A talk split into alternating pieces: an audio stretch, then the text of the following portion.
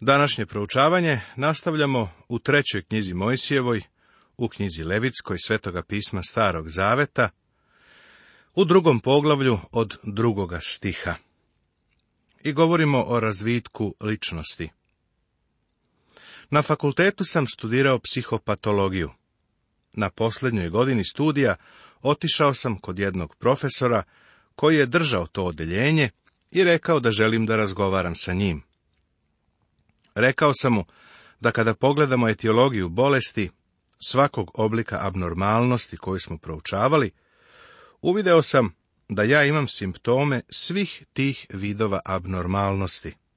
On je prasnuo u smeh i rekao mi, baš sam se pitao kad ćeš doći.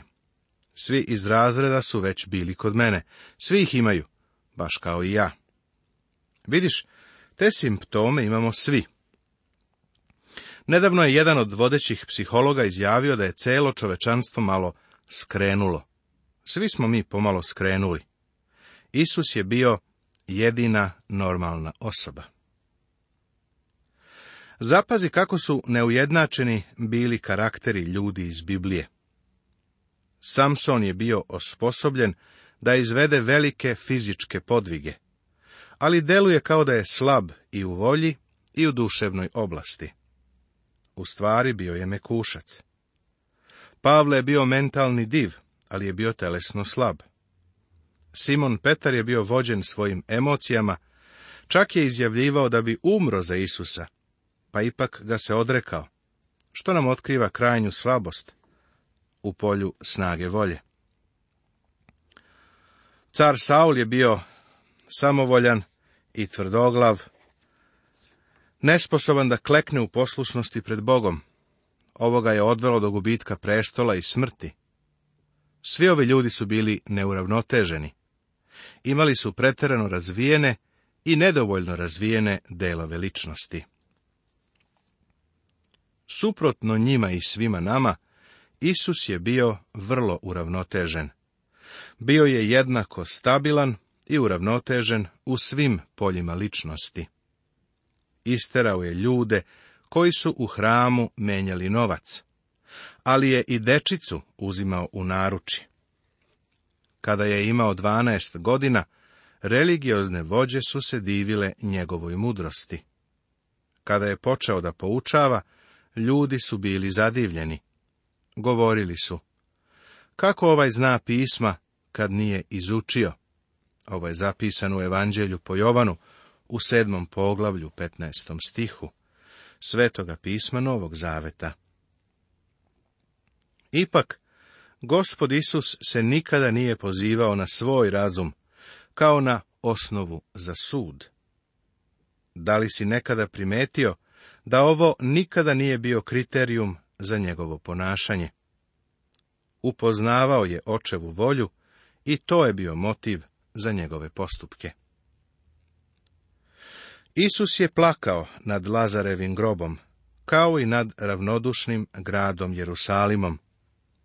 Istovremeno, podigao je Lazara iz mrtvih i izrekao ozbiljnu osudu nad Jerusalimom, koja se doslovno tako i ispunila. Njegove emocije ga nisu ni pokolebale, ni vodile. Nikada nije bio sebičan, ali ga isto tako ništa nije moglo sprečiti da ode u Jerusalim da umre. Uvek je mogao da kaže, ne moja volja, nego tvoja neka bude. Jer nisam sišao sa neba da činim svoju volju, nego volju onoga koji me je poslao, zapisano je Evanđelju po Jovanu u šestom poglavlju. Priroda njegove volje nije bila vodilja za njegove postupke, bio je uravnotežen a svi mi smo nezgrapni. I neka je polije uljem. Maslinovo ulje govori o svetom duhu. Primetit ćeš da je žrtva polivena uljem. U stihovima četvrtom i petom treće knjige Mojsijeve drugog poglavlja zamešana je ili pomešana sa uljem. U stihu šestom je polij uljem, u stihu sedmom je s uljem žrtva je bila natopljena uljem. Ulje je predstavljalo vrlo važan deo žrtve i primjenjivalo se na mnogo različitih načina. Istaknutost Svetoga Duha u Isusovom životu je vrlo upadljiva. Bio je rođen od duha, zamešana sa uljem. Bio je kršten duhom, polivena uljem. Bio je vođen duhom, polij uljem. On je poučavao, činio čuda i sebe predao na žrtvu u sili svetoga duha. Sa uljem. Ako je gospodu Isusu u njegovoj savršenoj ljudskoj prirodi bio potreban sveti duh, onda je tebi i meni mnogo potrebniji. Sami ništa ne možemo učiniti kad je pravljen po tajnoj formuli. Očigledno je bio vrsta tamjana sa kojim se mešao. Uporedi sa drugom knjigom Mojsijevom, knjigom izlaska, 30. poglavljem, 34. stihom, ali se razlikovao od njega. Spravljan je od jednog dela neke biljke ili drveta, verovatno od kore ili lišća, i ispuštao je miris jedino kada je bio pod pritiskom, kada bi ga mleli, udarali ili spaljivali. Ovo govori o životu gospoda Isusa Hrista, jer je on odavao mio miris svoga života pod vatrama, pritiscima i progonstvom. To je otac video u njemu, kao u onome kome se radovao. U njegovom životu je bio poseban miris. A miris treba da odaje i naš život, pošto pripadamo njemu. I neka je donese sinovima Aronovijem, sveštenicima, i neka sveštenik uzme toga brašna punu šaku i ulja i sav kad, i neka to zapali sveštenik na oltaru za spomen njezin. To je žrtva ognjena na ugodni miris gospodu sveštenici su dobijali deo jestive žrtve. Od svakog dela je trebalo da uzmu određeni procenat. Ostatak bi se pomešao i spalio na oltaru. A što ostane od toga dara, neka bude Aronu i sinovima njegovijem. To je svetinja nad svetinjama između žrtava koje se pale gospodu. Naglasak je na činjenici da se ova žrtva spaljivala na oltaru, iako se krv nije prolivala. Veliki naglasak je na vatri, ognju. To su stihovi 2, 9 i 16 i poglavlje 600, stihovi 15, 17 i 18. Pomešana i spaljena žrtva. Ako li hoćeš da prineseš dar, pečen u peći, neka budu pogače prijesne od beloga brašna, zamešane s uljem, ili kolači prijesni, namazani uljem. Ako li ti je dar pečeno što u tavi, neka je od beloga brašna bez kvasca, zamešano s uljem. Razlomi ga na delove i poli uljem, to je dar. Ako li ti je dar gotovljen u kotliću, neka je od beloga brašna s uljem i donesi dar koji načiniš od toga gospodu. I podaj ga svešteniku, i on će ga odneti na oltar. I će sveštenik od dara spomen njegov, i zapalit će ga na oltaru. To je žrtva ognjena na ugodni miris gospodu. A šta ostane od dara, neka bude Aronu i sinovima njegovim. To je svetinje nad svetinjama između žrtava koje se pale gospodu. Ovo su detaljna uputstva za ritual obred za jestivu žrtvu. Izvuči iskreno govoreći kao recept za hleb. Naglasak je na belom, finom brašnu, a ulje se stalno spominje. Također se više puta spominje vatra. Veoma bih želeo da istaknem da vatra ovde ne simboliše pakao ni pod kakvim uslovima. Ovo je očišćavajuća Božja sila koja izaziva miomiris u Hristovom životu. U devetom stihu se specijalno objavljuje da treba da bude ugodni miris gospodu. Konačno, i potpuno značenje i smisao ove žrtve je ono što Bog vidi u Hristu. Njegova ugodnost i miris ispoljavaju se pod pritiskom. U okviru tvog i mog iskustva, mio miris ne izlazi iz nas kada smo pod pritiskom. Čuo sam kako neki hrišćani govore neke vrlo ružne stvari kada su pod pritiskom. Ali što više napregnutosti je bilo na Hristu, on je sve ugodnije mirisao. Gospod Isus je mogao da kaže, i sa mnom je onaj koji me je poslao. Nije me ostavio sama, jer ja svakda činim ono što je njemu ugodno. Ono što bi ostalo od žrtve pripalo bi Aronu i njegovim sinovima. Vernici imaju veliku privilegiju da dele Hrista sa Bogom Ocem. Šta vidiš u njemu? Da li u njemu ima ugodnosti i slatkoće? Da li osjećaš mio miris ugodan miris njegovog života. Tada im Isus reče, Zaista, zaista kažem vam, ako ne jedete tela sina čovečijeg i ne pijete krvi njegove, nemate života u sebi. Ko jede moje telo i pije moju krv, ima život večni. I ja ću ga vaskrsnuti u posljednji dan jer moje telo je pravo jelo i moja krv je pravo piće. Ko jede moje telo i pije moju krv, ostaje u meni i ja u njemu. Kao što je mene poslao živi otac, i ja živim zato što živi otac. Tako će i onaj koji mene jede živeti kroz mene. To je hleb koji je sišao sa neba ne kao što su očevi jeli i umrli. Ko jede ovaj hleb, živeće do veka. Zapisano je u Evanđelju po Jovanu, svetoga pisma Novog Zaveta, u šestom poglavlju, od 53. stiha nadalje. Ako želiš ikakav miomiris u svom životu, i ako ga ja želim, moramo da imamo udela u Hristu, da uzimamo od njega. Ne bukvalno, naravno, nismo ljudožderi. Mi uzimamo od Hrista duhovno i prihvatamo ga u svoj život.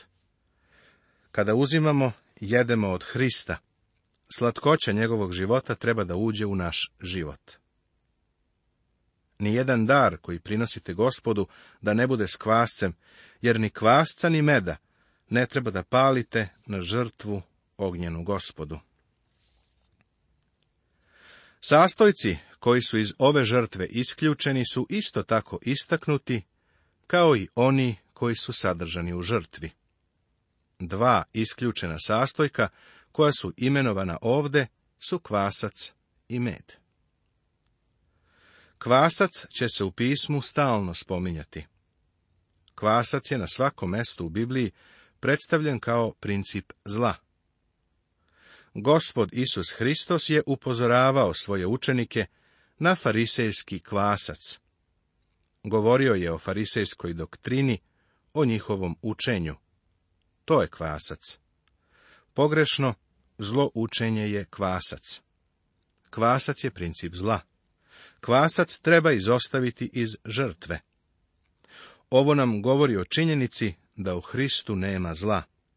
U Hristovom životu nema greha. I med je bio isključen.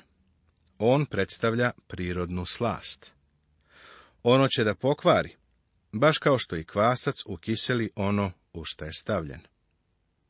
Ima hrišćana koji u javnosti zauzimaju pobožan stav. Oni nose nedeljni osmeh.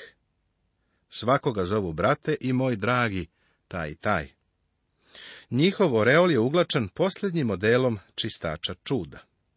Ipak, ti isti ljudi mogu biti uključeni, a i jesu uključeni u zle klevete i zlokobna ogovaranja. Oni su, znate, opasniji od ubice sa pištoljem. Želim da kažem da ima mnogo ljudi koji tako u svom životu imaju med. Gospod Isus je to rekao baš tako, prijatelju. U Isusovom životu nema principa korupcije on nije ispoljavao slast meda, niti je u njegovom govoru bilo kvasca, što bi govor učinilo prihvatljivim običnom čoveku. Samo u žrtvi od prvina možete prineti to gospodu, ali na oltar ne mećite za ugodni miris. Ova žrtva je bila ugodni miris, ali nije trebalo da svoju slast proizvodi iz prijatnog sastojka kvasca ili prirodne slasti meda. A svaki dar koji prinosiš osoli solju. I nemoj ostaviti dara svojega bez soli zaveta, Boga svojega. Sa svakim darom svojim prinesi soli. So je posljednji sastojak koji se nalazio u jestivoj žrtvi. So je sredstvo zaštite i ima dejstvo suprotno kvascu. Kvasac izaziva truljenje, a so sprečava raspadanje. So zaveta se među Arapima još uvek jede, kao pečat koji čoveka obavezuje na vernu poslušnost zavetu. So je bila znak vernosti između onoga ko prinosi žrtvu i Boga. Hristos je veran. Ovo je jedno od mnogih njegovih imena. On je veran i istinit, kako kaže Jovanovo otkrivenje u 19. poglavlju u 11. stihu Svetog pisma Novog Zaveta. On je gospod Isus. Hristos je sebe predao kao žrtvu Bogu. Mi sebe možemo prineti Bogu zbog Božije milosti. Treba da se nađemo verni. Hrišćani treba da budu so u svetu. To činimo time što se Bogu prinosimo kao žive žrtve, kako inače u poslanici Rimljanima u 12. poglavlju, prva dva stiha. Prvine od klasja, poprskane uljem i kadom. A kad prinosiš dar od prvina gospodu, klasove nove osuši na ognju i što istreš iz klasova novih, prinesi na dar od prvina svojih. I poli ga uljem, i kad metni nanj, to je dar. I sveštenik, uzevši iz trvenoga žita i ulja sa svim kadom, neka zapali spomen. To je žrtva ognjena gospodu. Praznik prvina, kao što je dat u trećoj knjizi Mojsijevoj, u 23. poglavlju od 9. do 14. stiha bio je jestiva žrtva, kao i praznik Pentekosta ili Pedesetnice. Zakon za jestivu žrtvu Zakon za žrtvu jestivu dat je u trećoj knjizi Mojsijevoj, u šestom poglavlju od 14. do 23. stiha. On nam pokazuje da se uz svaku žrtvu paljenicu ujutro i uveče prinosila i jestiva žrtva. Jestiva žrtva nam pokazuje Hrista u njegovom posvećenju. Ona nam također predstavlja posvećenje vernika u Hristu. Oslikava savršenu Hristovu ljudsku prirodu. Poglavlje treće Tema žrtve zahvalne. Ova žrtva govori o zajednici i zajedništvu vernika sa Bogom Ocem, kroz našega gospoda Isusa Hrista. Jedini put kojim dolazimo do Boga jeste kroz Hrista. On je put. Ni jedna jedina žrtva ne može da nam predstavi mnogostruku čudesnost Hristove ličnosti kao ni mnoge aspekte njegove slave. Baš kao što su nam u Novom Zavetu potrebna četiri evanđelja, da bi nam se pokazao njegov zemaljski život, tako nam je potrebno pet vrsta žrtava iz treće knjige Mojsijeve, da bi se prikazala Hristova ličnost i delo. Zapazit ćemo da postoji upadljiva sličnost između zahvalne žrtve i žrtve paljenice. Ali ćemo primetiti i oštar kontrast. Zato je žrtva zahvalna također posebna, jedinstvena žrtva. Žrtva zahvalna, odnosno pomirna, žrtva pomirenja, ne govori o miru koji je Hristos svojom krvlju izvojavao na krstu, koliko govori o grehu, pa potpada pod žrtve koje nisu miomirisne. Govori o Hristu koji je učinjen našim mirom. Kako povodom greha piše apostol Pavle u poslanici Kološanim u prvom poglavlju. I da njegovim posredstvom sve izmiri sa sobom, stvorivši mir njegovom krvlju na krstu, te da njegovim posredstvom izbavi sve što je na zemlji i što je na nebesima. Pa i vas, koji ste nekada bili otuđeni i neprijateljski nastrojeni svojim smeranjem u zlim delima, sada je izmirio smrću njegovog ljudskog tela, da vas, svete, neporočne i besprekorne postavi predase. To je žrtva zahvalna, odnosno žrtva pomirna. Nastavit će se.